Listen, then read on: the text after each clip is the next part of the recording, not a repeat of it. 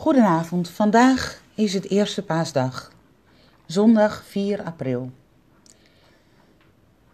Vanavond zal het laatste bericht zijn voorlopig van deze avondgebeden.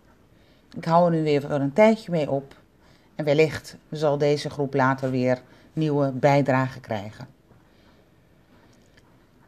De dagtekst komt uit Johannes 20. Daar staat een leerling van Jezus ging het lege graf in.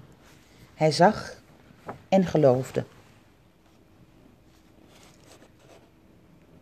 Omdat gij ons met licht hebt begroet, roepen wij u aan, voor wie wakker liggen in het donker, zwaar van zorgen. Voor wie gaan door het donker, met de moed der wanhoop. Voor wie de woestijn begin nog einde heeft omdat gij ons met een nieuwe naam gezegend hebt, roepen wij u aan voor wie anoniem door het leven gaan.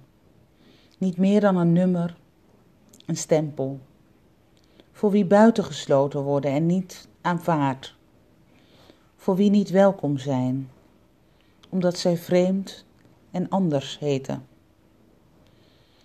Omdat gij ons aan elkaar gegeven hebt, roepen wij u aan voor wie het moeilijk met elkaar hebben, voor wie elkaar los moeten laten, voor wie alleen moeten gaan. Om al wat adem heeft, om elkaar, om onszelf, roepen wij u aan. Wees met ons, ga met ons, deze nacht en de dagen die komen.